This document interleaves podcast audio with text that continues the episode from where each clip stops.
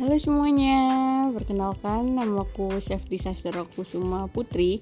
Uh, Bisa dipanggil Sepi atau juga bisa dipanggil Safety uh, Kali ini aku mau bahas-bahas uh, atau bincang-bincang uh, mengenai pandemi COVID-19 ini ke generasi milenial seperti anak-anak muda gitu. Jadi uh, aku akan bahas dan aku akan bincang-bincang dikit mengenai itu uh, tapi di lain waktu ya. Stay tune guys